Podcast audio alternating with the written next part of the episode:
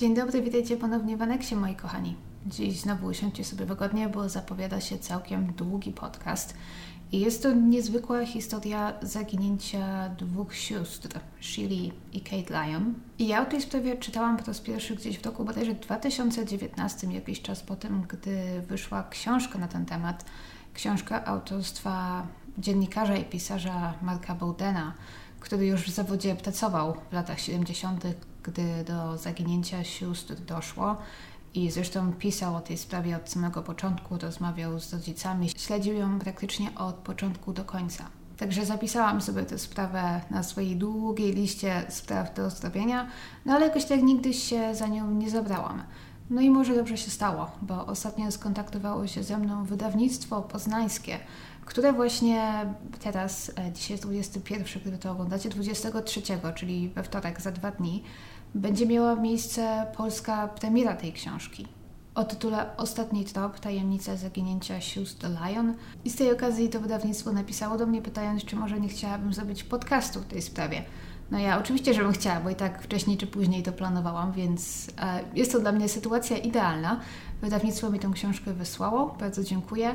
E, jak i również dostaliśmy kod zniżkowy. Mam nadzieję, że Wam się to spodoba, bo nawet poprosiłam, żeby kod zniżkowy nazywał się Annex, no bo czy można wyobrazić sobie lepszy kod zniżkowy. Będzie on działał od 22, czyli do jutra, do 5 kwietnia i jest to aż 40%. I to nie tylko na tę książkę Marka Bowdena, ale na wszystkie książki i e-booki z ich sklepu, zresztą zostawię e, szczegóły w opisie. 40% to naprawdę dużo. Miałam wrażenie, że zwykle przy takich okazjach tam dostaje się 10-15%, więc wydaje mi się, że 40% to jest dużo. Mam nadzieję, że ktoś skorzysta. No ale już nie przedłużając, wszystkie szczegóły oczywiście zostawię w opisie, jeżeli ktoś jest zainteresowany. I zapraszam Was na dzisiejszą, naprawdę niezwykłą historię śledztwa w sprawie zaginięcia sióstr Kate i Shirley, która poniekąd znalazła swoje rozwiązanie po aż 40 latach. Naprawdę mam nadzieję, że będziemy to słyszeć e, i w coraz większej liczbie spraw. Coraz częściej będziemy słyszeć, że śledztwa w tak starych sprawach są ponownie otwierane, świadkowie są ponownie przesłuchiwani i że coś z tego wychodzi. Dzisiejsza sprawa ma miejsce w stanie Maryland, zaraz na północ od stolicy USA, Waszyngtonu. Sheila i Kate Lyon mieszkały w mieście Kensington razem ze swoimi rodzicami i braćmi. W pobliżu ich domu znajdowało się centrum handlowe, które istnieje do dziś i nazywa się Wheaton Plaza. W tamtych czasach było to największe takie centrum handlowe w okolicy. Ludzie mieszkający na przedmieściach nie mieli zbyt wielu rozrywek poza domem zbyt wielu miejsc, do których mogliby pójść, spotkać się w wolnym czasie. W tamtych czasach coś, co ratowało mieszkańców przedmieść przed nudą, a już w szczególności młodzież, były właśnie galerie handlowe, które stały się miejscami nie tylko zakupów, ale też spotkań, poniekąd stały się centrum życia. Znanym sposobem na zabicie czasu było po prostu pójście do Wheaton. Praktycznie zawsze była szansa, że natrafi się tam na kogoś znajomego. Do dziś jest to całkiem spore centrum handlowe i jest to jedno z tych, gdzie wejścia do sklepu znajdują się w głównej mierze na zewnątrz. Nie jest to taki nie jest to taki zamknięty koncept, ale po prostu może bardziej masa sklepów i restauracji po prostu skupiona w jednym miejscu. Był 25 marca 1975 roku. Sheila i Kate Lyon miały wtedy wiosenną przerwę w szkole i mnóstwo wolnego czasu do zabicia. Sheila miała wtedy 12 lat, a Kate była trochę młodsza, miała lat 10. Aby wypełnić swój czymś dzień, poszły do centrum handlowego oczywiście, które znajdowało się zaledwie 800 metrów piechotą od ich domu. Wyszły z domu około południa. Szacuje się, że miały ze sobą razem jakieś może 2 dolary. Miały zamiar pokręcić się trochę, może spotkać kogoś znajomego i zjeść pizzę w popularnej wtedy restauracji Orange Bowl. W domu wtedy znajdował się ich tata, który spał, ponieważ był po nocnej zmianie. Pracował w radiu. Ich mama Mary również wyszła z domu, ale później wróciła wczesnym popołudniem, zajęła się domem, zaczęła szykować obiad. Natomiast bracia Shirley i Kate, Joa i Jay, również wyszli gdzieś ze znajomymi. Jeden z nich zresztą będzie później przechodził przez centrum handlowe i natrafi na Shirley i Kate, prawdopodobnie minuty przed ich zaginięciem. Wszyscy spotkali się na kolacji przy rodzinnym stole, jak to mieli w zwyczaju.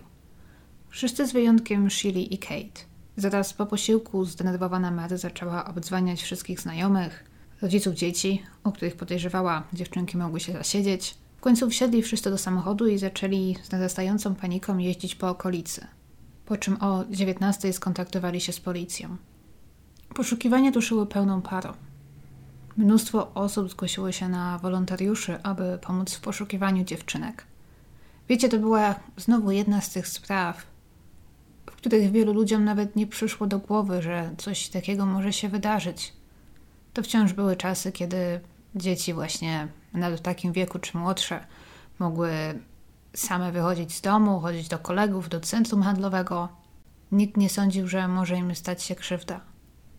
Wszyscy niezwykle współczuli Mary i Johnowi Lyon i z przestrachem patrzyli na własne dzieci, bojąc się, że takie coś może kiedyś przytrafić się i im.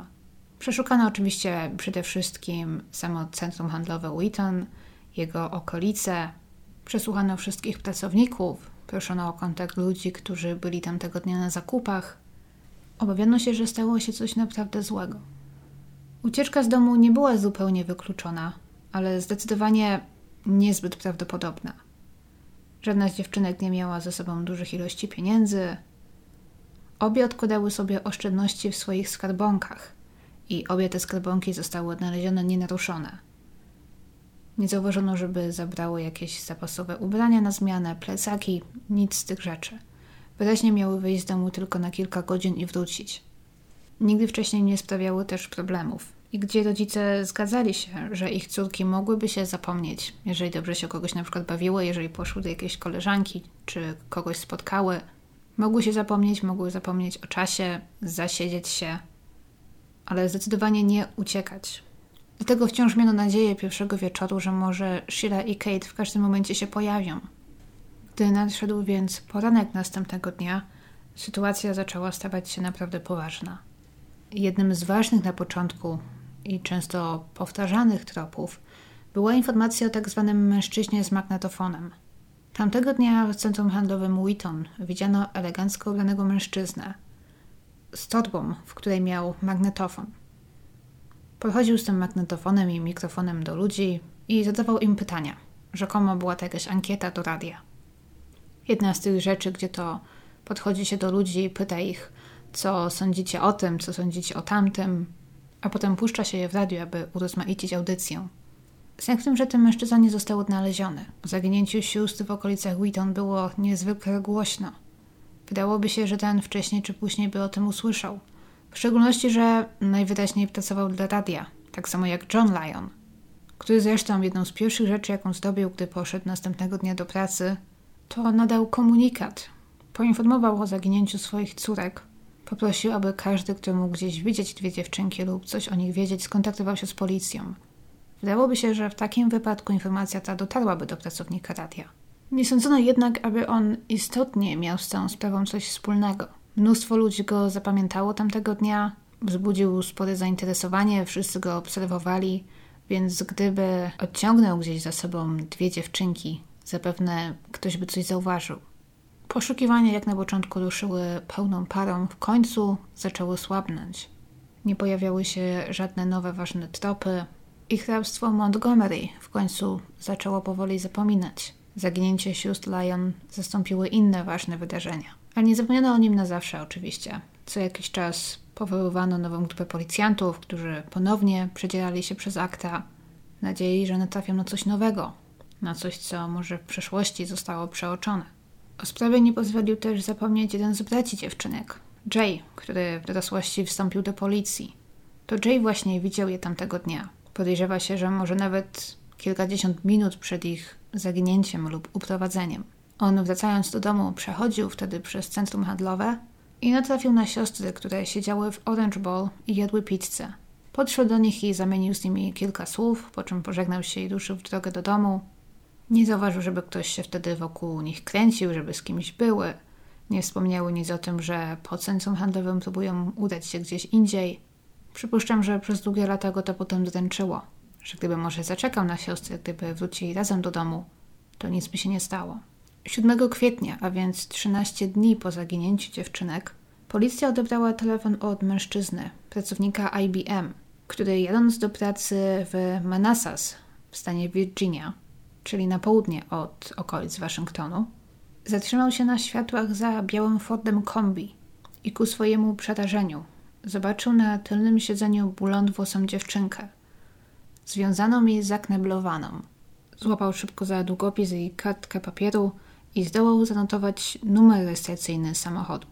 Z wyjątkiem ostatniej cyfry niestety, ponieważ tablica rejestracyjna, możliwe zresztą, że celowo, była zakięta i nie dało się dojrzeć całego numeru rejestracyjnego.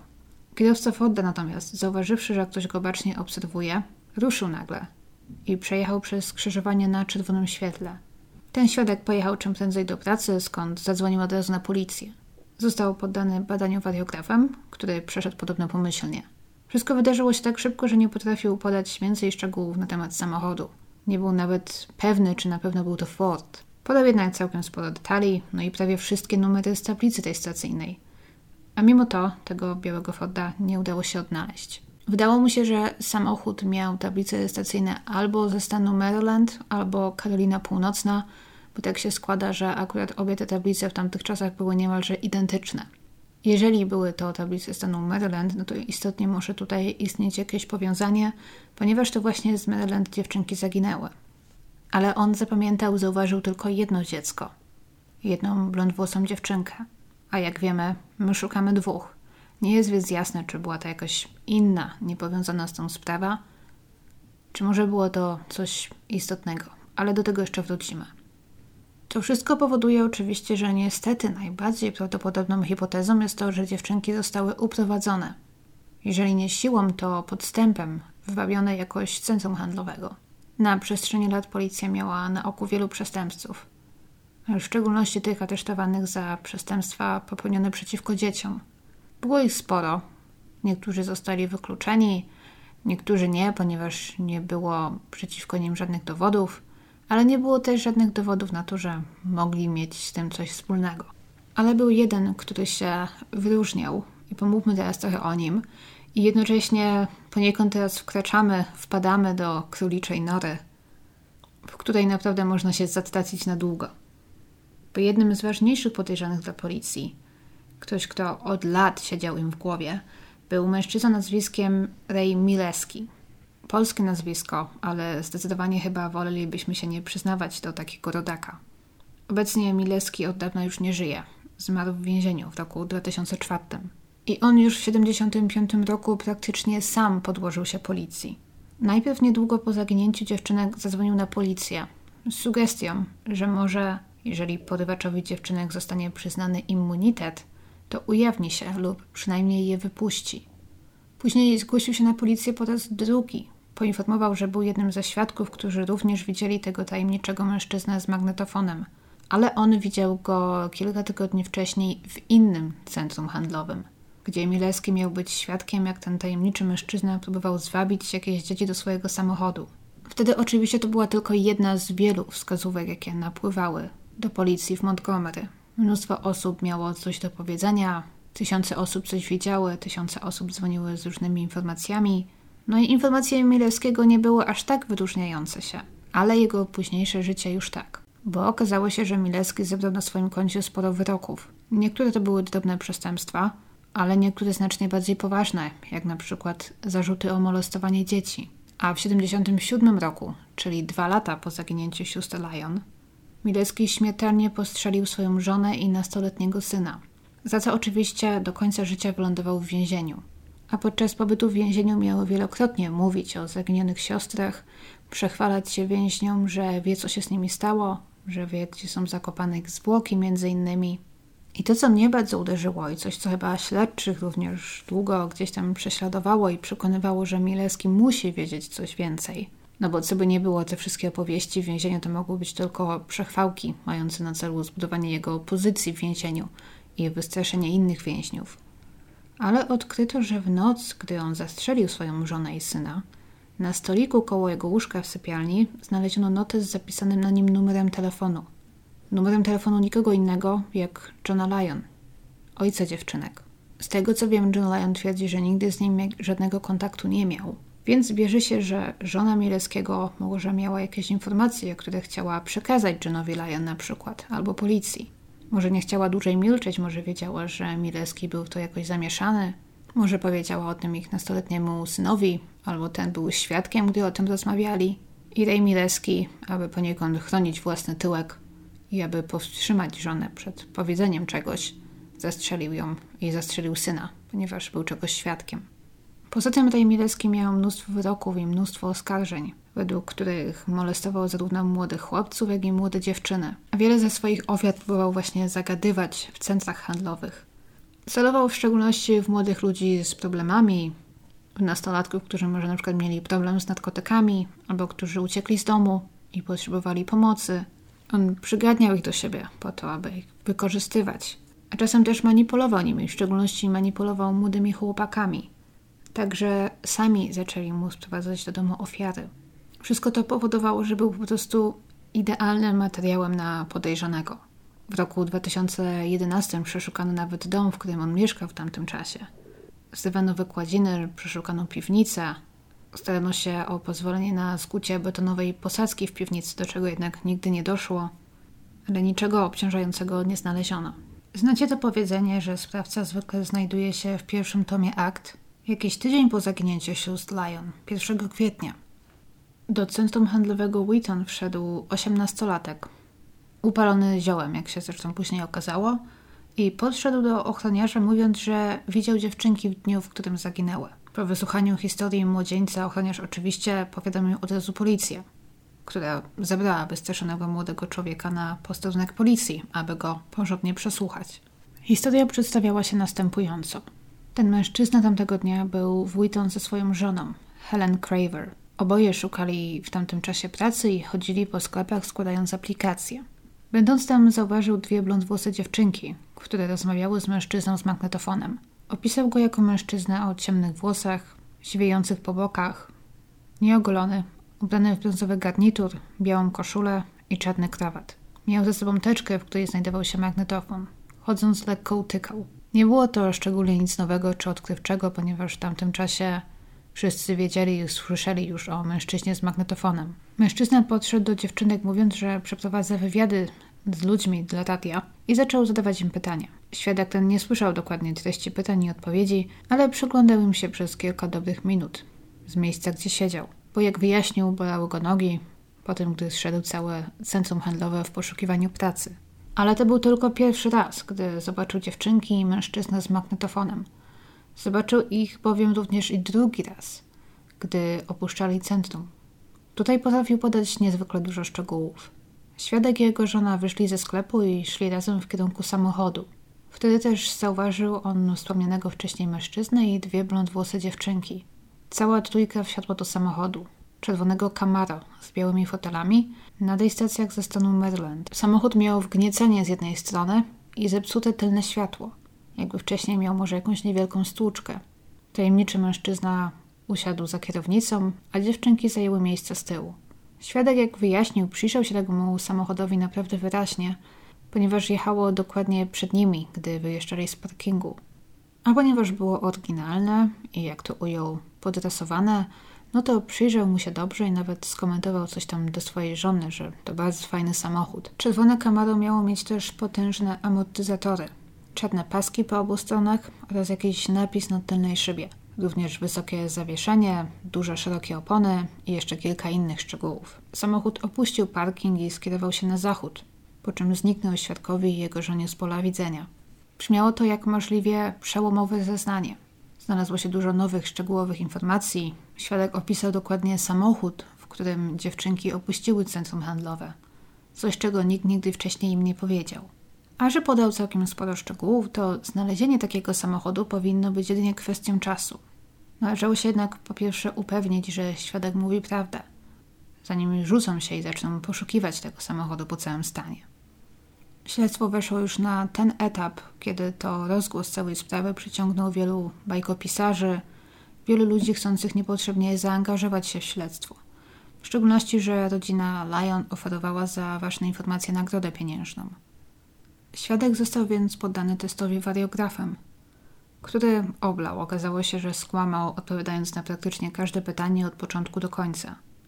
Skonfrontowany z wynikami, przyznał, że zmyślił to wszystko w nadziei, że otrzyma nagrodę. Został w końcu puszczony wolno, z ostrzeżeniem, że składanie fałszywych zeznań jest przestępstwem. Policjanci byli nim oczywiście niezwykle poirytowani, zmarnował mnóstwo ich czasu. Ale mieli też mnóstwo pracy i coraz mniej czasu. Szkoda było marnować go na aresztowanie i zastraszanie kolejnego bajkopisarza. Z tym, że ten młody człowiek mógł być kimś więcej niż tylko kolejnym kłamcą chcącym zwrócić na siebie uwagę. Ten osiemnastolatek bowiem nazywał się Lloyd Lee Welch. Zeznanie Welcha przez długie lata gdzieś tam leżało pomiędzy innymi aktami sprawy.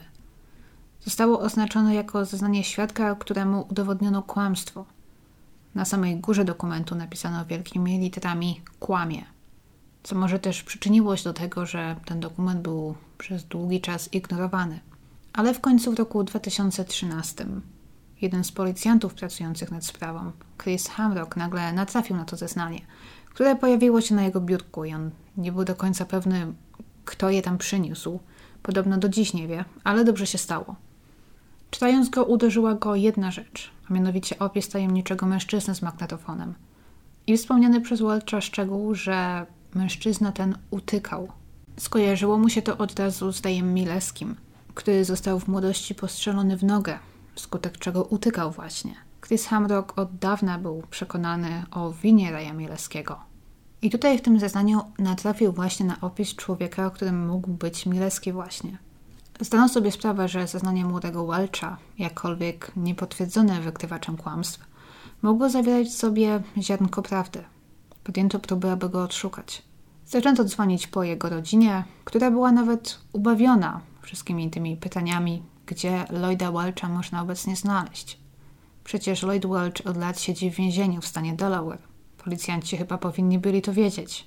Siedzi tam od lat 90. za przestępstwo popełnione na dziecku.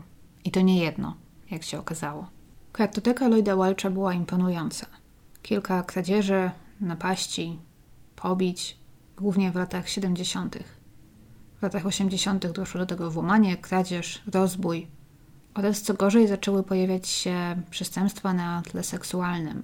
W 92 roku molestowanie dziesięcioletniej dziewczynki w Lockhart, później w 96 napaść na małą dziewczynkę w Manas w Virginii. Rok później w końcu został aresztowany za molestowanie nastolatki w Delaware, za co ostatecznie wylądował w więzieniu, otrzymując wyrok 33 lat pozbawienia wolności. Gdy znaleziono zdjęcia Lloyda Welcha, w szczególności te, gdy został kilka razy aresztowany, gdy był młody w latach 70., to w szczególności jedno rzuciło się w oczy. Lloyd miał w tamtym czasie długie włosy, jak zresztą wiele osób, wiele młodych ludzi w latach 70., i wąsy. Jednemu z policjantów przypomniało to od razu portret pamięciowy sporządzony w marcu 75 roku na podstawie opisu 13-letniej dziewczynki Danet Shia, która w dniu zaginięcia sióstr Lyon również była w Wheaton Mall. Zresztą tamtego dnia je tam widziała. Danet i grupa jej koleżanek w pewnym momencie zauważyły dziwnego mężczyznę, który długo się im przyglądał. Było to na tyle uciążliwe i wręcz je wystraszyło, że w końcu jedna odważniejsza z nich odezwała się do niego za słowami: Może zrobisz nam zdjęcie, starczy ci na dłużej. Co w końcu spłoszyło natręta. Ale Denet, która znała z widzenia starszą siostrę Lion, ponieważ chodziły razem do szkoły, zapamiętała też, że widziała wtedy, jak siostry jedzą pizzę w centrum handlowym i miała wrażenie, że dziwny mężczyzna przeglądał się zarówno im. Na podstawie jej opisu sporządzono portret pamięciowy i gdy porówna się go ze zdjęciem Lloyda Welcha z tamtych czasów, to oba wizerunki okazują się być do siebie całkiem podobne. Lloyd Welch mógł być więc zamieszany w zaginięcie dziewcząt. Policja jednak wciąż uważała, że za wszystkim stał Ray Mileski. Jak wiemy, Mileski miał zwyczaj manipulowania swoimi ofiarami, także później same pomagały mu sprowadzać do swojego domu i wabić kolejne dzieci. W 1975 roku Welch miał zaledwie 18 lat. Wiele wskazywało na to, że mógł być po prostu kolejną ofiarą Mileskiego. W szczególności, że później w dorosłości sam zaczął molestować dzieci, co może wskazywać na to, że on jako dziecko również był molestowany. Więc na początku myślano o Lloydzie Welchu jako może kimś, kto pomógł prowadzić siostry, może miał o tym jakieś informacje, ale ze względu na jego młody wiek policja była gotowa traktować go potencjalnie jako jedynie świadka. Ale im bardziej grzebali w jego życiu, im bardziej mu się przyglądali, tym bardziej zaczęli się obawiać, że Lloyd Welch może być bardziej niebezpieczny niż się to na początku wydawało. Dużym problemem okazał się fakt, że sporą część życia Lloyd Welch spędził pracując dla wesołego miasteczka, które jeździło po całym kraju. I próbowano porównać to z przestępstwami, do których doszło w każdym miejscu, w którym on wtedy przebywał. Znaleziono kilka zbieżności, ale nic, z czym można by go było połączyć na 100%. Dla przykładu, na przykład Welch przebywał z wesołym miasteczkiem w Fort Worth w Teksasie w grudniu 1974 roku. Wtedy z tamtejszego centrum handlowego zaginęły bez śladu trzy nastoletnie dziewczyny. Zupełnie jak Sheila i Kate Lyon, cztery miesiące później zaledwie. Wiedząc to wszystko, śledczy wiedzieli, że muszą z nim porozmawiać. Gdy porozmawiali z nim po raz pierwszy, był rok 2013. Welch miał 56 lat i przebywał w więzieniu w Delaware. Śledczy wiedzieli, że muszą podejść do niego niezwykle ostrożnie. Lloyd miał przed sobą wizję wyjścia na wolność za około 10 lat, a już za dwa lata mógł ubiegać się o pozwolenie na pracę za murami więzienia. Podobno przeszedł pomyślnie proces resocjalizacji, dużo mówił o tym, że się zmienił i psycholog więzienny stwierdził, że Lloyd jest osobą na tyle zmienioną, na tyle bezpieczną, że można pozwolić mu przebywać poza murami więzienia i pracować. Ale przyznanie się do chociażby udziału w porwaniu czy w morderstwie spowodowałoby, że mógłby już nigdy nie opuścić murów więzienia. Więc w najlepszym jego interesie byłoby tak naprawdę, aby z policją nie rozmawiać. I co by nie było, nie musiał. Postanowiono zacząć przesłuchanie, nie mówiąc mu w ogóle, na czym dokładnie policji zależy. Nie chciano go spłoszyć. Powiedziano mu, że jest przesłuchiwany jedynie w charakterze świadka, że jest to zupełnie dobrowolne, policja nie ma zamiaru go o nic oskarżać, a wręcz przeciwnie, może tylko pomóc w śledztwie, może doprowadzić do skazania lub do odnalezienia dziewczynek. I tym sposobem na przykład jego próby postarania się o wyzwolnienie warunkowe albo o to, aby móc pracować poza murami więzienia, może zostać rozpatrzona w pozytywnym świetle. Pomysł był taki, aby zacząć z Lloydem luźną rozmowę o jego życiu, o przestępstwach, co by nie było prawie każdy osadzony, który siedzi długo w więzienia i czasem nie ma do kogo gęby otworzyć, chętnie porozmawia z kimś zainteresowanym jego życiem.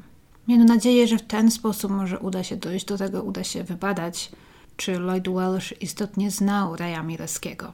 Policjanci wierzyli, że opis, który Welch wtedy podał, opis rzekomego mężczyzny z mikrofonem, był w rzeczywistości opisem Mileskiego.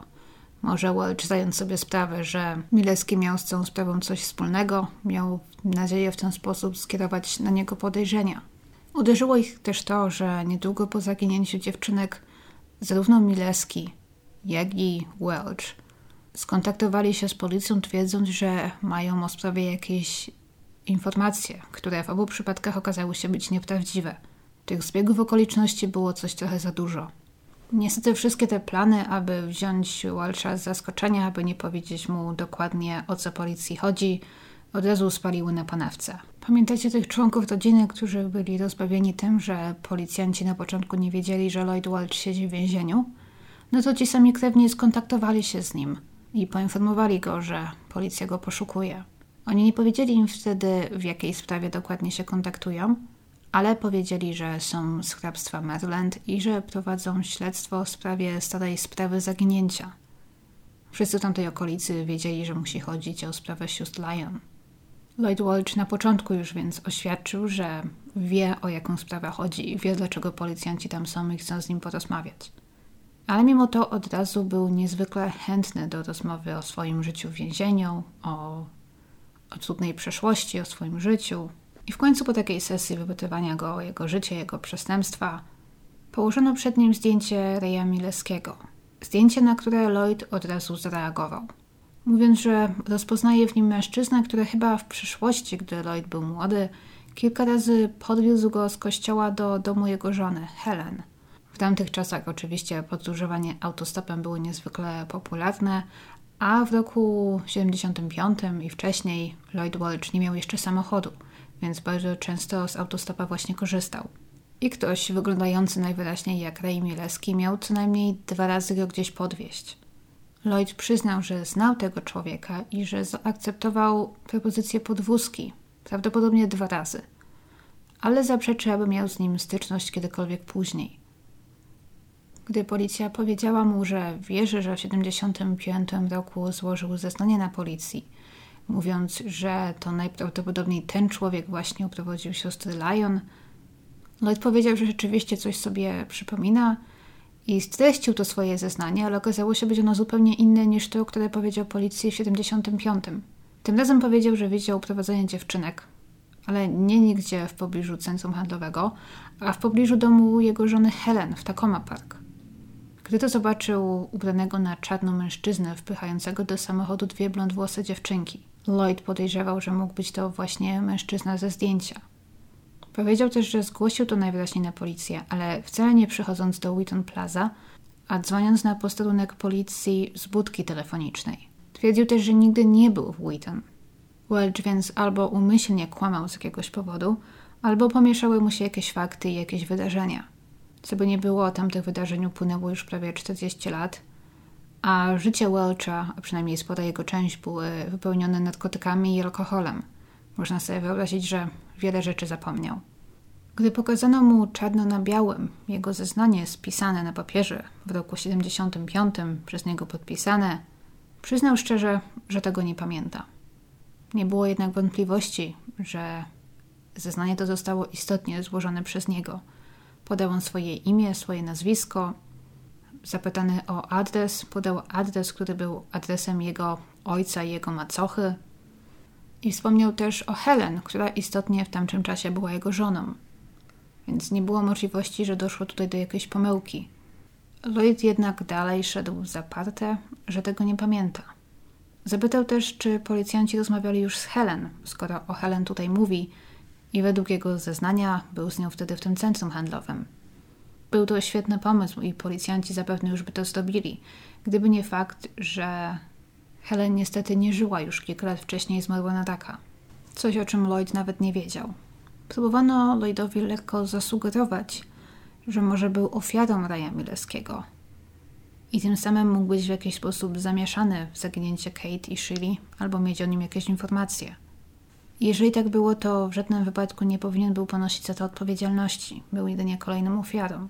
Lloyd upierał się jednak i nie chciał w żadnym wypadku przyznać, że Mileski był kimś więcej niż tylko osobą, która za dwa razy go gdzieś podwiozła. Można by to było z jednej strony tłumaczyć wyparciem. Jeżeli Mileski istotnie wykorzystał Lloyda, gdy ten był młody, to ten mógł wyprzeć tak traumatyczne wydarzenia ze swojej pamięci albo mieć problemy z przyznaniem się do tego. Lecz z drugiej strony, Lloyd opowiadając o swoim życiu, o swoich doświadczeniach, nie miał problemu na przykład z dobrowolnym opowiedzeniem o tym, że jego ojciec, Lee Welch, wielokrotnie go wykorzystywał, stosował wobec niego przemoc. No i obraz, jaki z tego się buduje, wskazuje na to, że Lloyd Welch miał niestety niezwykle ciężkie dzieciństwo. Co policjantów jednak zdziwiło, Lloyd podczas przesłuchania zaczął wysyłać sprzeczne sygnały. Z jednej strony mówił, że nic nie wie, że nie może pomóc, a z drugiej sugerował, że gdyby na przykład zaoferowano mu przeniesienie z zakładu karnego Delaware do Maryland, gdzie były lepsze warunki, może mógłby policji pomóc. Poza tym nalegał na udzielenie mu immunitetu. Jeżeli ma coś więcej powiedzieć, to tylko jeżeli czarno na białym będzie miał podpisane, będzie miał zapewnione, że nie poniesie za swoje czyny żadnych konsekwencji. Co było problematyczne, jeżeli Welch był jedynie świadkiem przestępstwa, no to rzeczywiście można było mu nadać immunitet. Ale sam fakt, że Lloyd o niego prosił, był niepokojący, bo mógł sugerować, że Lloyd był czymś więcej niż jedynie świadkiem. Tylko w filmach chyba takie sprawy można rozwiązać podczas jednego krótkiego przesłuchania. Podejrzany zostaje przyparty do muru, zalany gradem pytań i po chwili, nie mogąc tego znieść, wyśpiewuje od razu całą prawdę. W rzeczywistości miało to zająć dużo, dużo więcej czasu. Ale Welch nie chciał rozmawiać bez podpisania immunitetu. W końcu po długich negocjacjach on oraz prokurator podpisali raczej enigmatycznie sformułowany dokument, który przyznawał Lloydowi Welchowi immunitet, jeżeli ten odpowie na wszystkie pytania zgodnie z prawdą, zgodnie ze znanymi mu informacjami. Te zeznania nie mogły być wykorzystane przeciwko Welchowi w postępowaniu karnym ale immunitet nie obejmował przestępstw popełnionych przeciwko Shirley i Kate Lyon. Masło maślane, było w tym kilka sprzecznych rzeczy, No ale w końcu Lloyd zgodził się ten dziwny dokument podpisać i był z niego zadowolony. Po czym podpisał go, opowiedział całą prawdę i koniec historii. Nie żartuję, nie było tak łatwo. Zaczął policji opowiadać najróżniejsze rzeczy, będące głównie mieszanką zeznania, jakie spisano w 75 oraz historii, którą opowiedział wcześniej. Próbował wyraźnie wybrnąć z tej sytuacji, że najpierw powiedział policji historię o tym, jak to widzi, jak ktoś wpycha dziewczynki do samochodu, a potem udowodniono mu, że kłamie, bo czarno na białym można było mu udowodnić, że był w Wheaton Plaza i można było mu udowodnić, że opowiedział, co powiedział. Generalnie wierzono, że to wszystko, co zaczął opowiadać, nie było prawdziwe i Welch próbował jakoś uratować swoją sytuację. W końcu to długie przesłuchanie zakończono jednym pytaniem. Śledczy zapytał go, co twoim zdaniem Ray Mileski zrobił z dziewczynkami? Wciąż mówili o tym, że to Ray Mileski najwyraźniej je zabił. Odpowiedź padła taka. Sądzę, że je obie zgwałcił i zabił, a potem spalił. Co ciekawe, w ciągu kolejnych przesłuchań Lloyd Welch sam poprosił o badanie wariografem. Uważał, że mówi prawdę, że zda ten test bez problemu i udowodni policji, że nie miał z tym nic wspólnego i że mówi prawdę. Że dzięki temu policja zostawi go w spokoju. Oczywiście zdania co do precyzyjności tych urządzeń są mocno podzielone. Same wyniki, jak wiemy, nie są nawet dopuszczalne jako dowody w sądzie, ale czasem mogą bywać pomocne w śledztwie poza tym. W szczególności, gdy przesłuchany aż samo to prosi. Było wiele przypadków, w których na przykład przesłuchani po dowiedzeniu się, że oblali taki test, nie wytrzymywali napięcia, ciśnienia, poddawali się i od razu wyznawali całą prawdę. 10 lutego 2014 roku Lloyd Welch został więc w końcu poddany takiemu testowi. Padły podczas niego takie pytania jak czy masz coś wspólnego z zaginięciem sióstr Lyon? Czy zdobiłeś coś, co może doprowadzić do ich zaginięcia? I wiele innych pytań zadanych w różny sposób, w innej kombinacji, które zawsze sprowadzały się do tego samego. Czy Lloyd wiedział coś o zaginięciu sióstr Lyon?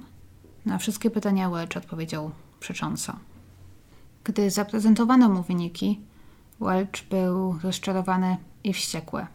Radiograf wyraźnie wykazał, że mężczyzna kłamał. Gdy go o tym poinformowano, udał zupełnie zdezorientowanego i tłumaczył taki wynik radiografu zmęczeniem. Pracował bowiem w więziennej kuchni na nocnej zmianie, pomagał szykować posiłki na następny dzień, więc zazwyczaj odsypiał w ciągu dnia i wstawał dopiero około 14. A tego dnia, aby wziąć udział w tym teście, musiał stać po zaledwie dwóch godzinach snu. Gdy jego wymówki o zmęczeniu nie przekonały policjantów, zaczął ich oskarżać o sfałszowanie wyników. A potem wszystkim, chyba żeby jakoś siebie uratować, zaczął opowiadać kolejną wersję wydarzeń. I to wszystko jakkolwiek niewiarygodne i irytujące, bo on za każdym razem opowiadał co innego, niezwykle jednak zainteresowało policjantów. Bo zwykle, gdy ktoś zostaje złapany na kłamstwie, to albo się zawstydza, przeprasza, bo zamyka się w sobie i na przykład odmawia współpracy. A Lloyd Welch, złapany na jednym kłamstwie, zastępował je kolejnym, mając nadzieję, że cudownie jakoś wybrnie z całej sytuacji. Im bardziej zarzucano mu kłamstwa, jak bardziej zarzucano mu niezgodności w jego zeznaniach i udowodniano mu jego niezgodności, tym więcej Welch gadał. Jednocześnie gadał cały czas dobrowolnie, w charakterze świadka. W końcu przyznał, że znał Raja Mieleskiego, że kilka razy palił z nim marihuanę, że był też na kilku imprezach w jego domu.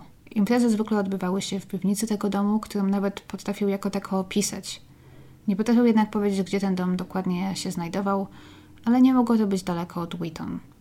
Jego opis nie pasował do końca do tego, jak dom Mileskiego istotnie wtedy wyglądał, ale biorąc pod uwagę, że upłynęło 40 lat, a według swojego zeznania Welch był wtedy pijany lub czymś upalony, no to rzeczywiście mogło mu się wiele pomieszać.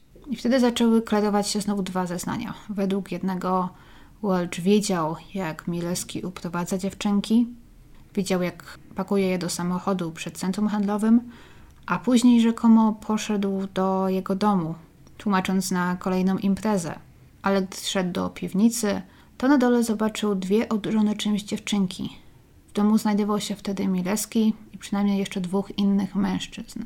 Welch nie potrafił zdradzić więcej szczegółów, ale powiedział, że miał być świadkiem gwałtu na tych dziewczynkach końcu uciekł stamtąd i nie mogąc poradzić sobie z tym, co zobaczył, poszedł do centrum handlowego ze zmyśloną historyjką o tym, że był świadkiem, jak mężczyzna podobny do Mileskiego uprowadza je z centrum handlowego. A nie powiedział podobno otwarcie, co widział i gdzie są dziewczynki, ponieważ bał się, że on albo jego żona zostaną skrzywdzeni przez tych ludzi. Ale dużo tam namieszał i dużo rzeczy się nie zgadzało, gdy to opowiadał. W pewnym momencie powiedział nawet, że był 25 marca w centrum handlowym i że pojechał stamtąd z Mileskim do jego domu. W pewnym momencie wypowiedział zdanie: Zabraliśmy je do jego domu. Co zaraz poprawił na: Zostały zabrane do jego domu. A to niewielkie przejęzyczenie było kolejnym dowodem, kolejną poszlaką może na to, że Welch mógł wiedzieć coś więcej. 11 lutego 2014 roku zwołano konferencję prasową, na której ogłoszono, że policja otworzyła sprawę na nowo i znalazła nowego podejrzanego Lloyda Lee Welcha. Pokazano jego zdjęcia, również jego zdjęcia z młodości i poproszono wszystkich, którzy mogli znać go w tamtym czasie i mieć jakieś ważne informacje na jego temat, o kontakt. To wywołało też lawinę zgłoszeń od ludzi, którzy Lloyda znali. Może powinnam powiedzieć, że mieli nieprzyjemność go znać. Wiele osób opisało m.in. zainteresowanie Lloyda młodymi dziewczętami. Raz miał zerwać ze swoją 22-letnią ciężarną dziewczyną, mówiąc jej, że jest dla niego już za stara. I zaczął interesować się jakąś piętnastolatką. Generalnie wiele wskazuje na to, że Lloyd wiele kobiet w swoim życiu wykorzystał. W momencie, gdy doszło do zaginięcia sióstr Lyon, jego ówczesna żona Helen Craver była zresztą z nim w ciąży. To też był schemat, który zdaje się cały czas powtarzać w życiu Walcha. On spotykał się z jakąś kobietą, bardzo szybko brał z nią ślub na przykład. Ona zachodziła w ciążę, po czym Walch ją zostawiał. Później, gdy był już znacznie starszy, został parę razy oskarżony o molestowanie nieletnich córek swoich partnerek. To właśnie te wszystkie wydarzenia spowodowały, że w końcu wylądował w więzieniu.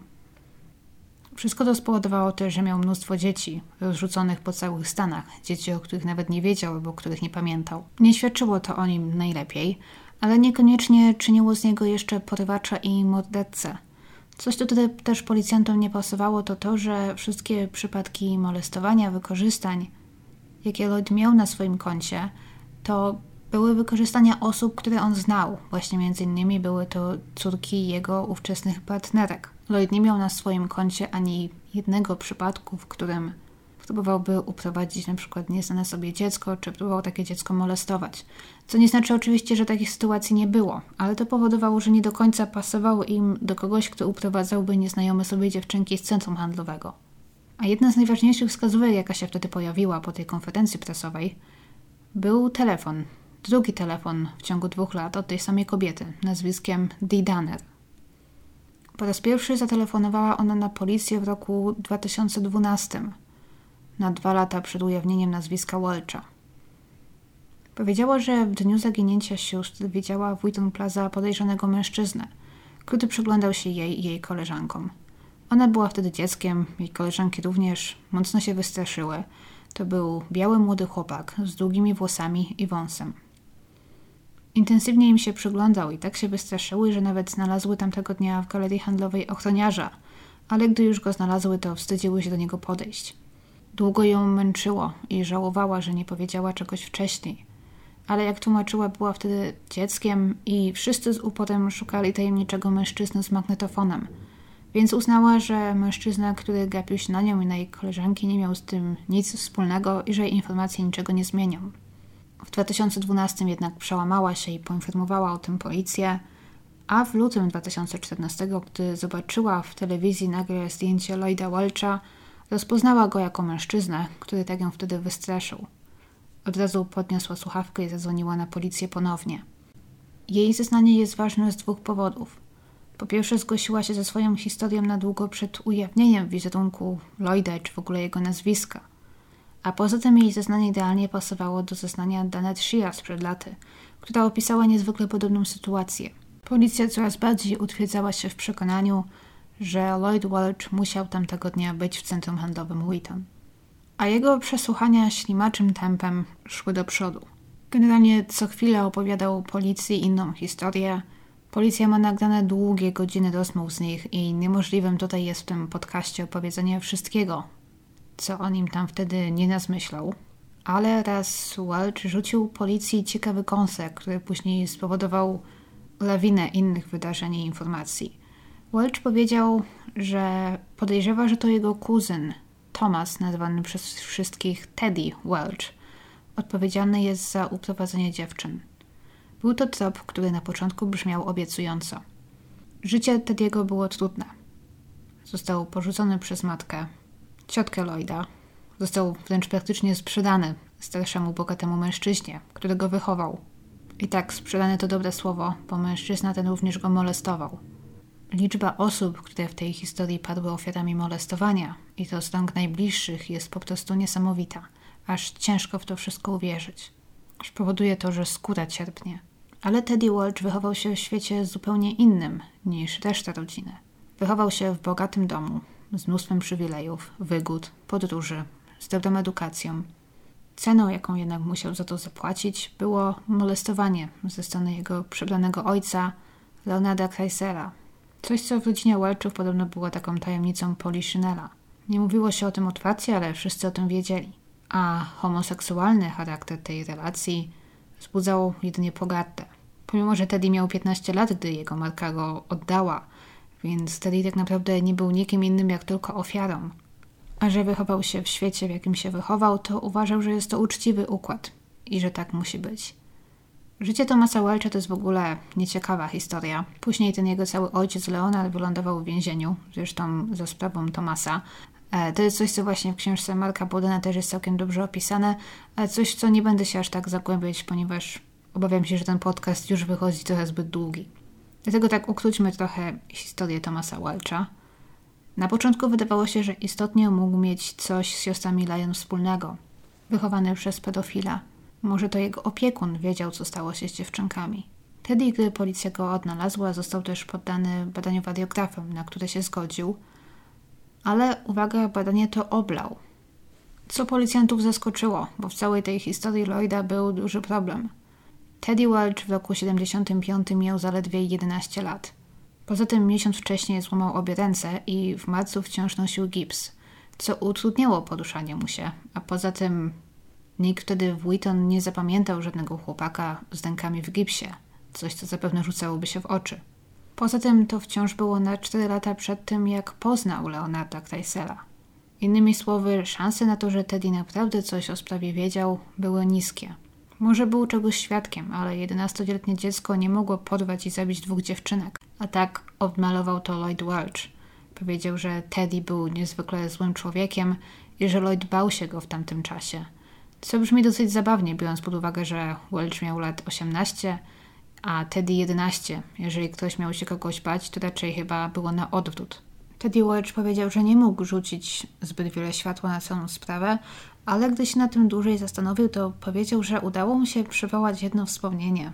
Jako dziecko, będąc w domu swojego wujka Dicka w Hyattsville, na poddaszu w pokoju, gdzie jego wujek miał m.in. stół bilardowy, ten zobaczył raz dwie blond-włose dziewczynki. Nie wiedział, kim były, ponieważ nie były członkami rodziny, z tego co kojarzył. I nie mógł oczywiście po latach powiedzieć, czy były to akurat siostry Lion, ale powiedział, że ma wspomnienie dwóch blond-włosych dziewczynek. Nie mógł jednak zapewnić nawet, że wspomnienie to było prawdziwe, ani w którym roku to wydarzenie miało miejsce. Lloyd opowiadał więc różne te niestworzone historie, kłamał, ale czasem chyba nawet nie zdawał sobie sprawy, że podawał policji niezwykle ważne informacje. Podczas jednego przesłuchania na przykład prawidłowo opisał, jak Sheila i Kate były ubrane w dniu zaginięcia. Powiedział, że Sheila miała na sobie granatową bluzę, dżinsy i brązowe buty – a Kate czerwoną kurtkę, jeansową koszulę i jeansy. Było to o tyle ważne, że opis ich ubioru nigdy nie został podany do publicznej informacji.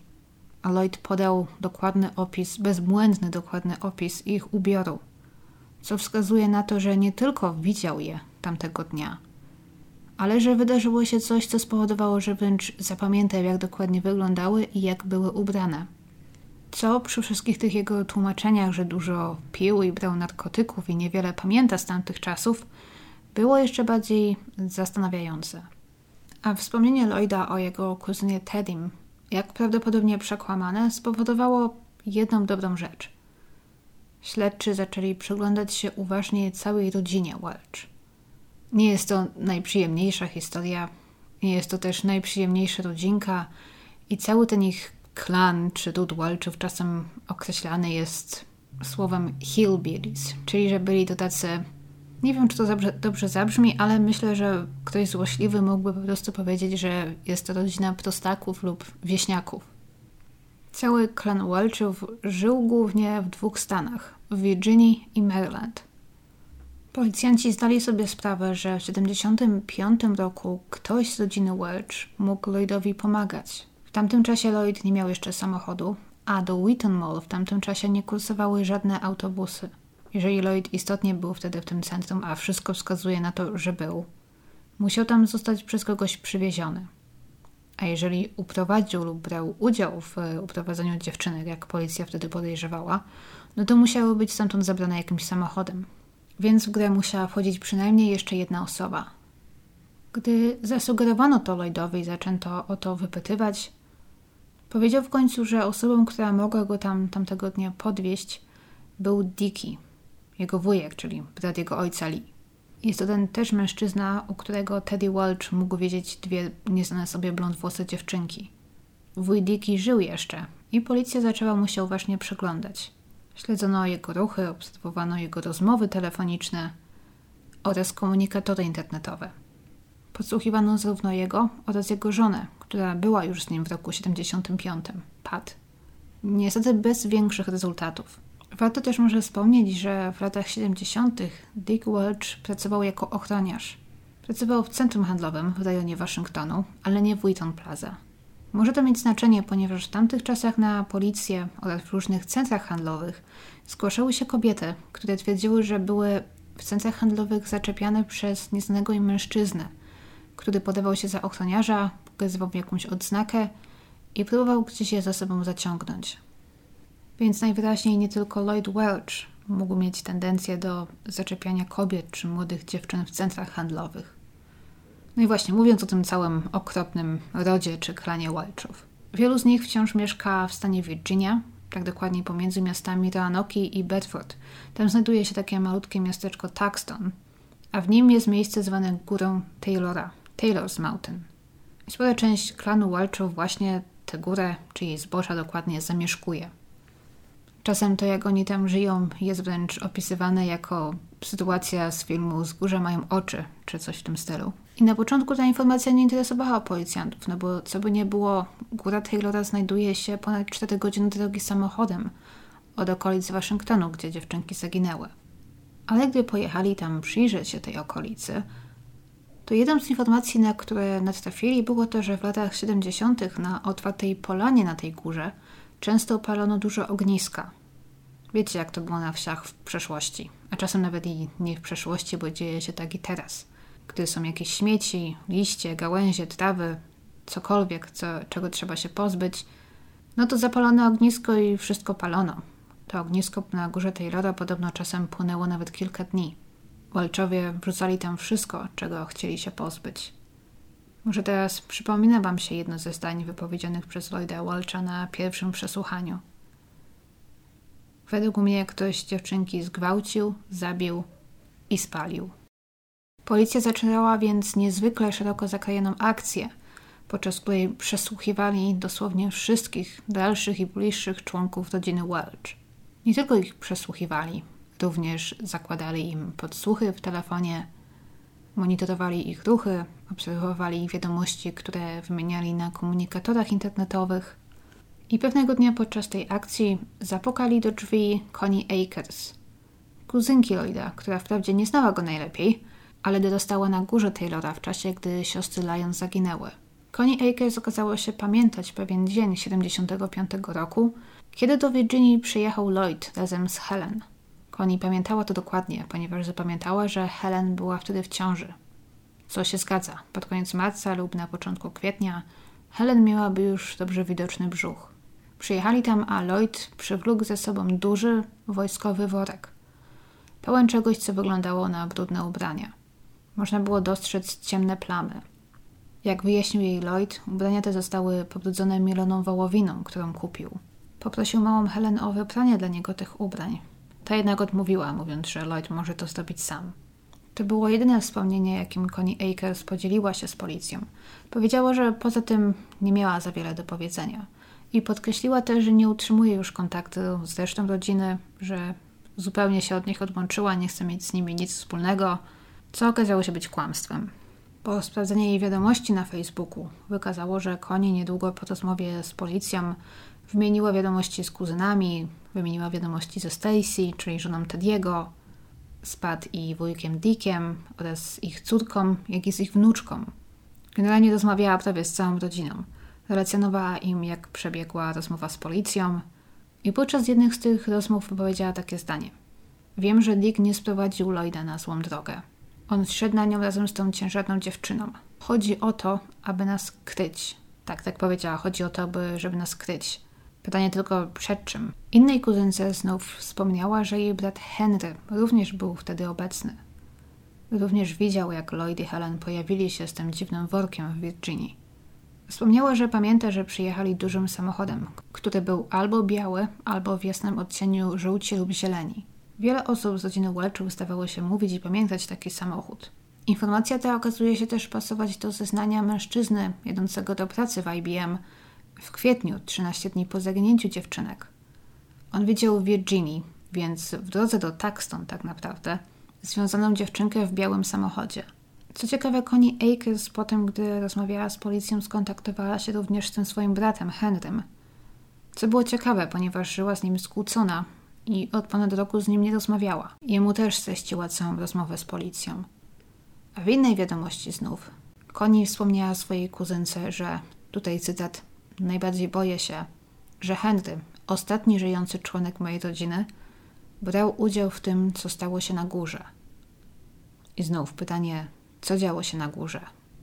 Ale wiele wskazuje na to, że Koni ma wiedzę o jakimś przestępstwie, do którego tam wtedy doszło. Koni później powtórzyła te słowa pod przysięgą, dodając, że worek strasznie śmierdział i że został później wrzucony do ogniska. Spalenie go ten znacznie zwiększyło. Unosił się potem nad okolicą przez kilka kolejnych dni. Zapach przypominał jej zgniłe mięso. Co ciekawe, nawet sąsiedzi zapamiętali, że w przyszłości Uleczowie rzeczywiście spalili w swoim ognisku coś, co wypełniło całą okolicę przeraźliwym odorem. Było to tak okropne, że ci ludzie do dziś to pamiętali. Jej brat Henry również został wezwany do zeznawania, ale z jego strony pojawiło się trochę więcej oporu. Poza tym miał poważne problemy zdrowotne. Cierpiał na mocno zaawansowaną chorobę układu oddechowego, która wymagała od niego zabierania ze sobą wszędzie butli z tlenem. Ale w końcu Henry przyznał, że on również pamiętał niespodziewaną wizytę Lloyda i Helen w roku 75. Również zapamiętał, że Helen była wtedy w ciąży. Według niego oni przyjechali tam wtedy dużym, jasnozielonym samochodem. Pamiętał też duży, brudny worek, który Lloyd wtedy ze sobą przywiózł.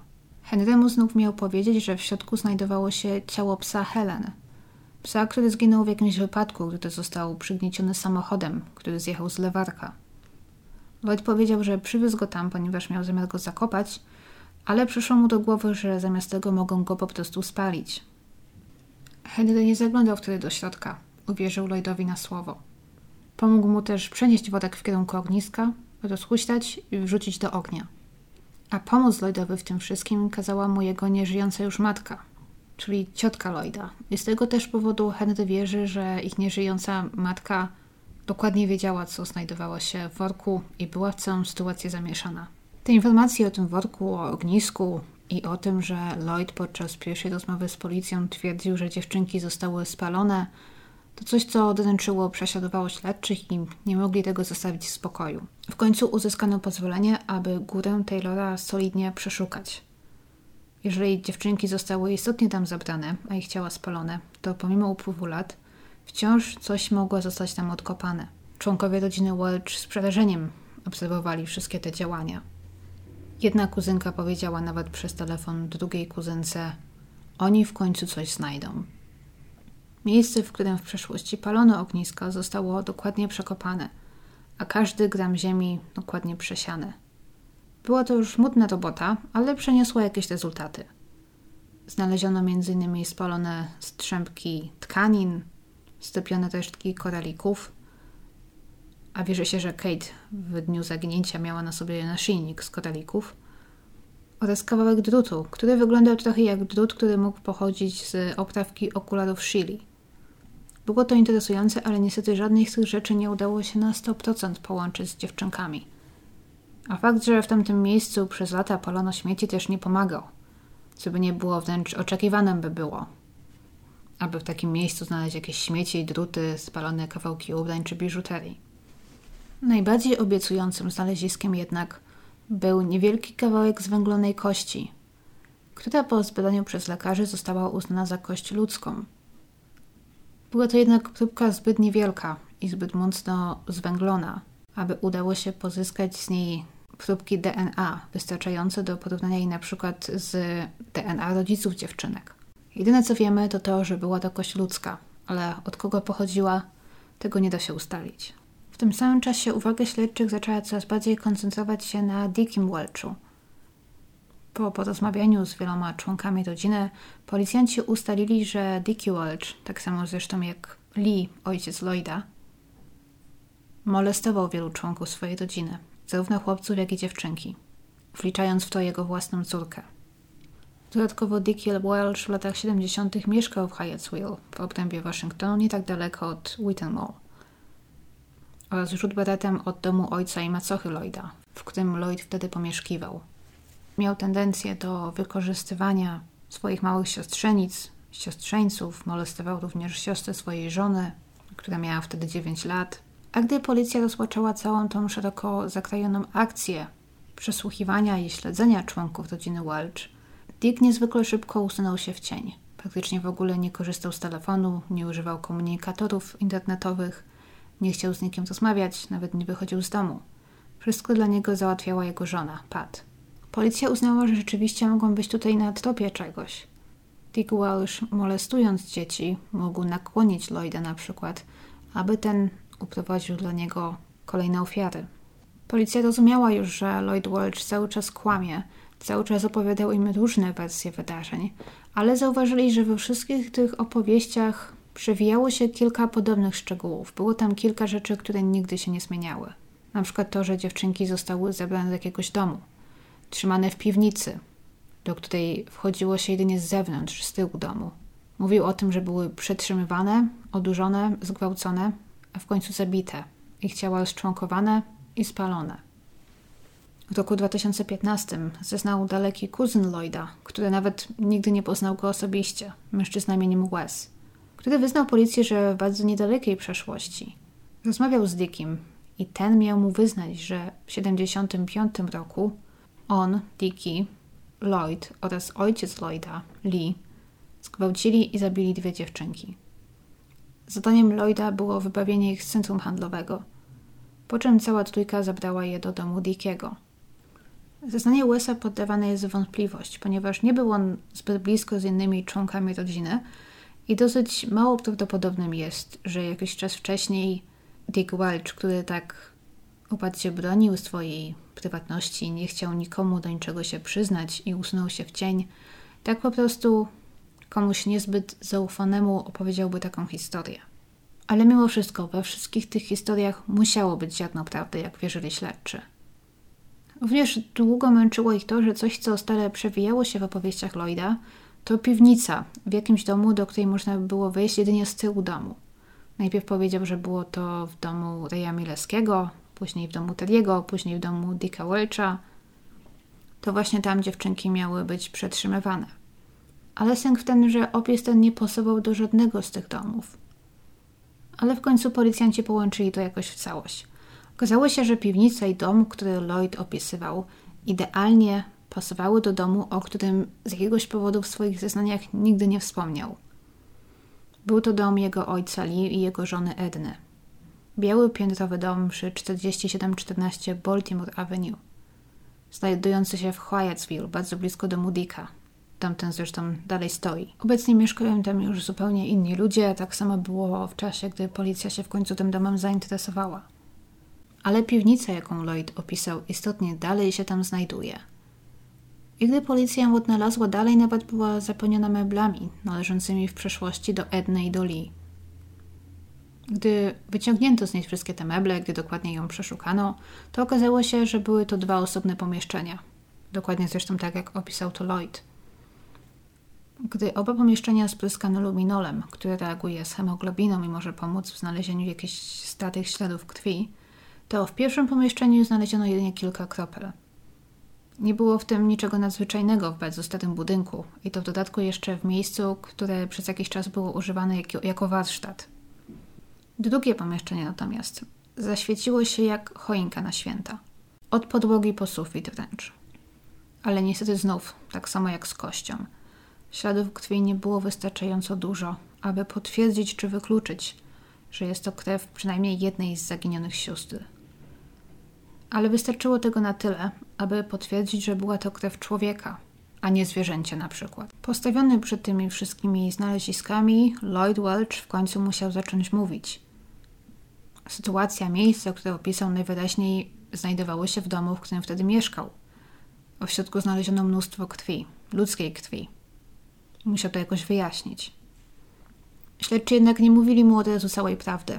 Często coś przekręcali lub zmyślali, zupełnie celowo. Coś zresztą, co w wielu krajach jest niedozwolone, tak jak na marginesie. Nie można podejrzanemu mówić czegoś, co nie jest zgodne z prawdą, ponieważ jest to manipulacja, ale nie w Stanach.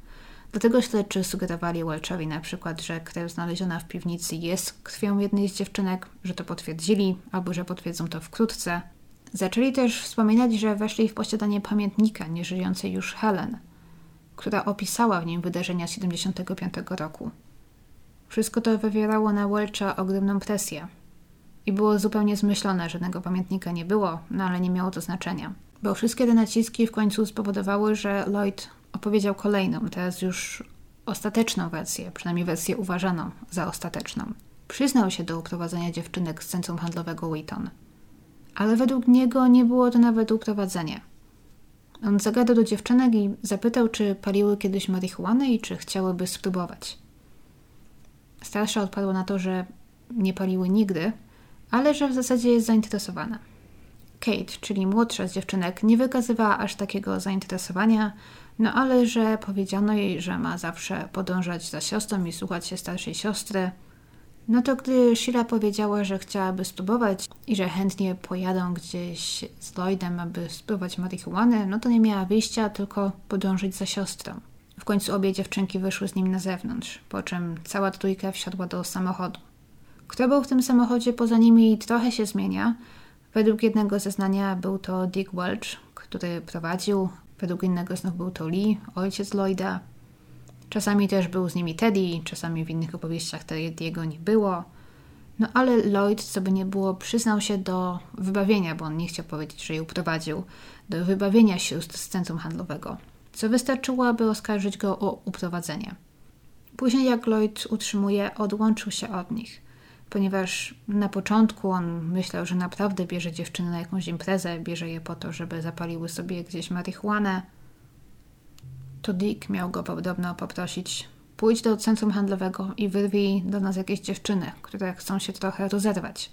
Opinia na temat tego, czy Sheila zgodziłaby się odejść z kimś nieznajomym, tylko ze względu na obietnicę zapalenia marihuany. Te opinie są generalnie podzielone. Z jednej strony z jej pamiętnika wynikało, że jakiś czas wcześniej zerwała znajomość z koleżanką, która zaproponowała jej papierosa, więc dziwnym by było, gdyby nagle odchodziła z nieznajomym starszym chłopakiem, który obiecał jej marihuanę. Ale z drugiej strony wiele osób podkreśla, że były to też lata 70. Palenie marihuany było niezwykle powszechne, a osoby tak młode, jak właśnie mające 12-13 lat, często chciały już z tym eksperymentować. Więc możliwe, że Shira wchodziła nagle w taki wiek, że była tym zainteresowana. Ciężko powiedzieć. Jakkolwiek zostały zwabione, wiele wskazuje na to, że razem z Lloydem Walshem z tego centrum wyszły. Gdy ten jednak zdał sobie sprawę, że w planach Dicka Welcha było coś więcej niż tylko palenie marihuany czy wspólne imprezowanie, postanowił się oddzielić. I ta opowieść w tym momencie jest trochę kuriozalna. Lloyd zostaje poproszony o znalezienie jakichś dziewczyn, które chciałyby imprezować i przyprowadza dzieci, dziesięcioletnią i dwunastoletnią dziewczynkę. co zupełnie nie ma sensu. Lloyd zasugerował też, że zdał sobie sprawę, że Dick Welch jest zainteresowany uprawianiem seksu z dziewczynkami. I on, Lloyd, powiedział, że on tym absolutnie nie był zainteresowany. Ale powód, jaki podał, znów zaskoczył śledczych.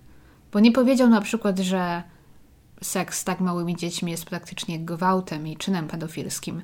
Nie, on powiedział, że w tamtym czasie był z Helen, która była w ciąży i nie miał zamiaru jej zdradzać. On myślał o tych dziewczynkach zupełnie w taki sam sposób, jaki myślał o Helen, która wtedy miała 22 lata bodajże.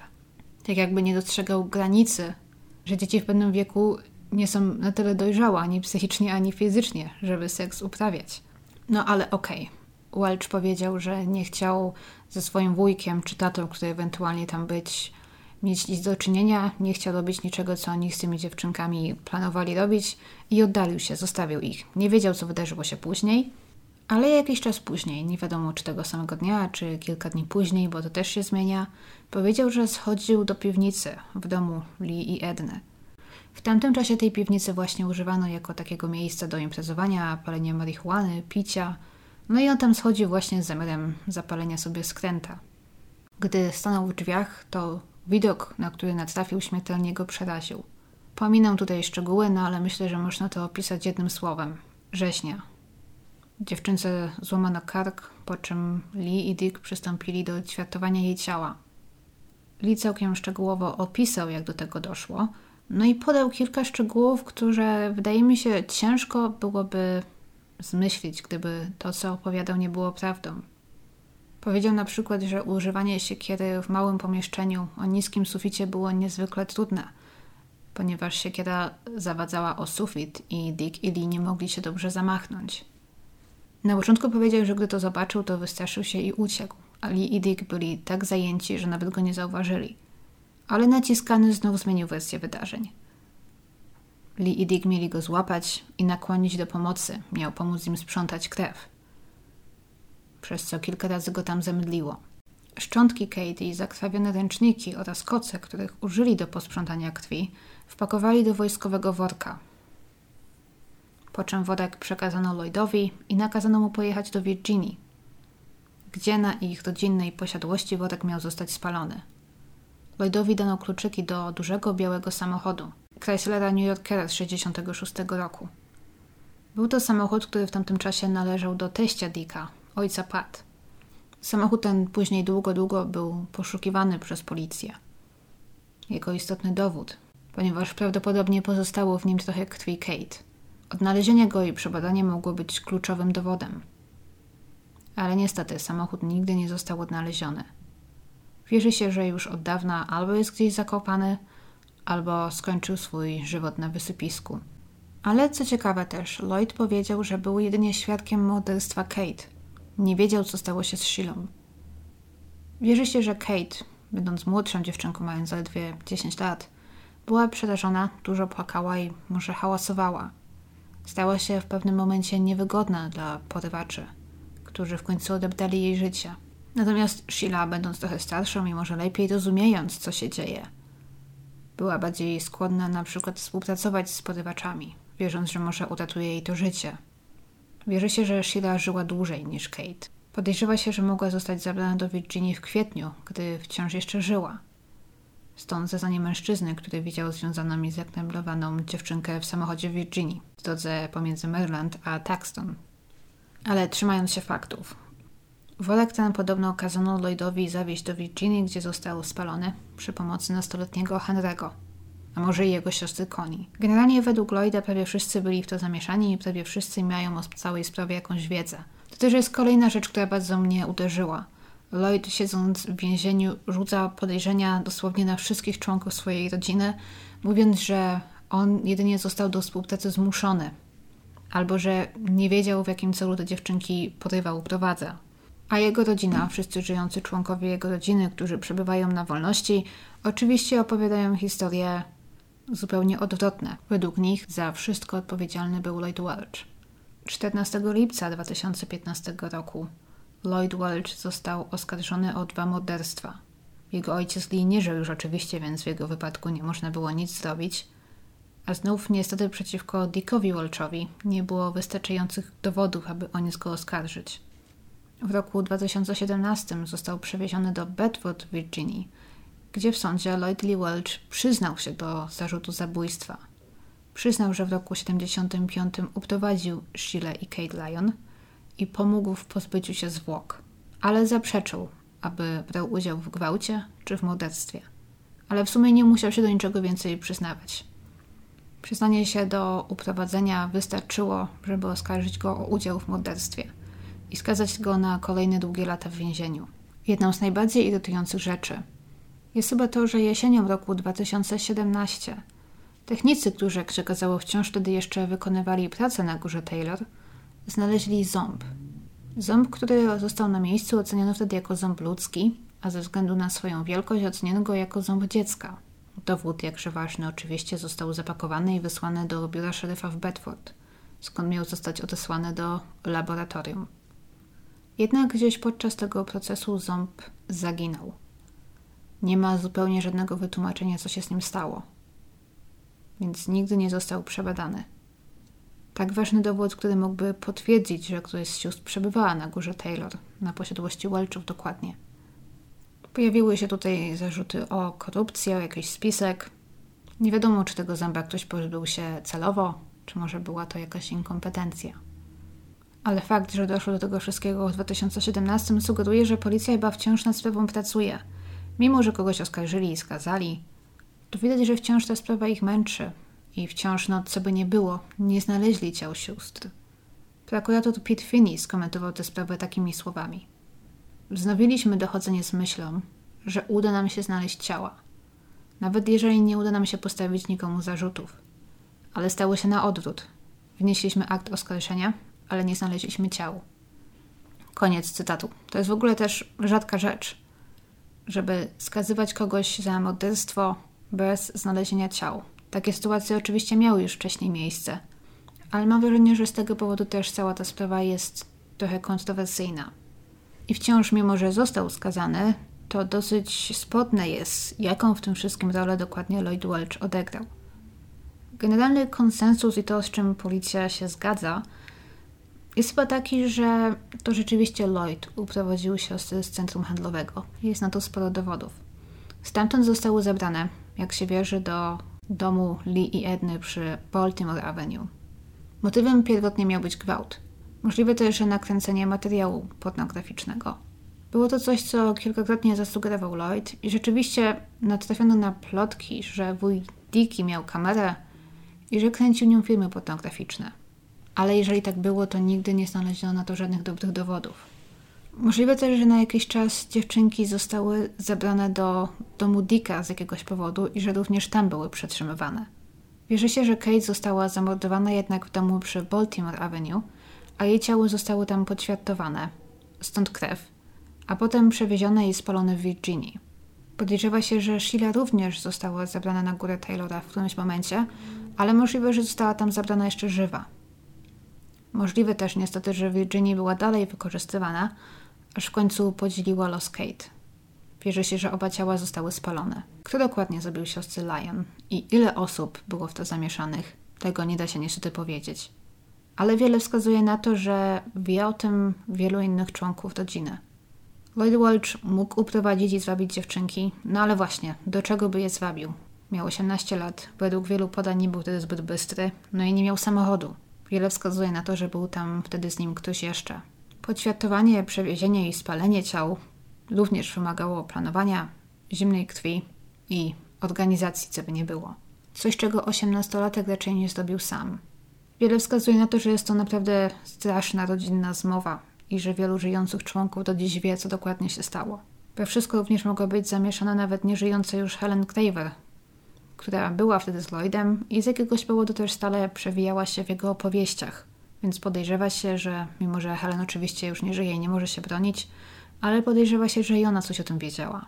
Chyba muszę też jeszcze wspomnieć, że w dzień zaginięcia dziewczynek w 1975 roku z komisu samochodowego przylegającego do Wheaton Mall skradziono czerwonego Forda Pinto. Wóz ten został znaleziony kilka dni później, porzucony, i to w Hyattsville. Tak się złożyło, że niedaleko domu na Baltimore Avenue. Niektórzy sądzą, że to może tym wozem uprowadzono dziewczynki. Jeżeli tak było, to, to może rzeczywiście oznaczać, że Lloyd Lee Welch przynajmniej na początku działał sam. Nie miał samochodu, no ale istotnie mógł go ukraść. Zwabić do niego jakoś dziewczynki i gdzieś się zabrać. Ostatecznie został skazany na dodatkowe 45 lat więzienia, co biorąc pod uwagę jego wiek oznacza, że prawdopodobnie nigdy nie wyjdzie na wolność. Nie przyznał się nigdy, przynajmniej na chwilę obecną, nie przyznał się do gwałtu czy do morderstwa, ale przyznanie się do uprowadzenia, do pomocy w pozbyciu się ze zwłok zupełnie wystarczyło, aby go skazać. Jednym z największych pytań, które wszystkich tutaj zdecydowanie dręczy, to nie to, czy Lloyd Welch na pewno był w to zamieszany, czy nie, ale kto jeszcze był? Kto jeszcze o tym wszystkim wiedział? Jego nieżyjący ojciec Lee, jego macocha Edna, wuj Dicky, jego żona Pat, Helen Claver, no i co z Dajem Milewskim? To od niego się zaczęło. To on jako pierwszy wmieszał się w śledztwo, podając policji nieprawdziwe informacje. To jego na początku, podczas pierwszego przesłuchania, rozpoznał Lloyd Welch, mówiąc, że znał go w latach 70. Czy możliwe jest, że Dave Milewski współpracował z Dickiem albo z Lee Welchem? Że mamy tutaj do czynienia z jakąś zorganizowaną siatką pedofilii? Dave Milewski zdecydowanie musiał coś wiedzieć. Jak wytłumaczyć numer telefonu Johna Leona znaleziony na stole w jego domu? Cała ta historia zabiera nas po prostu do najmroczniejszych zakamarków ludzkiej natury i do świata, o którym mam wrażenie wielu z nas wolałoby nie wiedzieć. Muszę też przyznać, że niezwykle mnie zaskoczyło, że Lloyd Welch był tak chętny do rozmowy z policjantami od początku. Gdy zwrócili się do niego po raz pierwszy w 2013, to byli gotowi traktować go jedynie jako świadka. Kogoś, kto może pomógł uprowadzić dziewczynki, ale sam padł ofiarą molestowania, sam był kolejną ofiarą. Ich głównym łupem, ich głównym podejrzanym miał wciąż być Ray Mileski. Lloyd Welch, więc myśląc, że jest jedynie świadkiem, że pomagając policji zaskorbi sobie ich sympatię, zapracuje może na wcześniejsze zwolnienie, opowiadał chyba na początku, co mu ślina na język przyniosła. Ale zamiast pomagać sobie tym sposobem, tylko z każdym słowem się pogrążał. A wystarczyło odmówić współpracy, gdy zdał sobie sprawę, że sprawy nie idą po jego myśli, że został przyłapany na kłamstwie. Każda rozmowa z policją bowiem była zupełnie dobrowolna. On w każdej chwili mógł wyjść. Na początku każdej rozmowy był też informowany, że to, co powie, może zostać wykorzystane przeciwko niemu i że ma prawo do adwokata. Prawo, z którego nigdy nie skorzystał, praktycznie do ostatniego spotkania. Gdy stanął przed sądem, to oczywiście przystanął mu dwóch obrońców, którzy w tamtym momencie niewiele mogli zdobić. Prokuratura miała godziny nagrań, na których Lloyd zupełnie dobrowolnie opisuje uprowadzenie dziewczynek i opisuje, jak pomagał pozbyć się ich ciał. I trochę mnie boli, że prawdopodobnie tylko jeden z wielu członków klanu Welchów otrzymał wyrok w tej sprawie.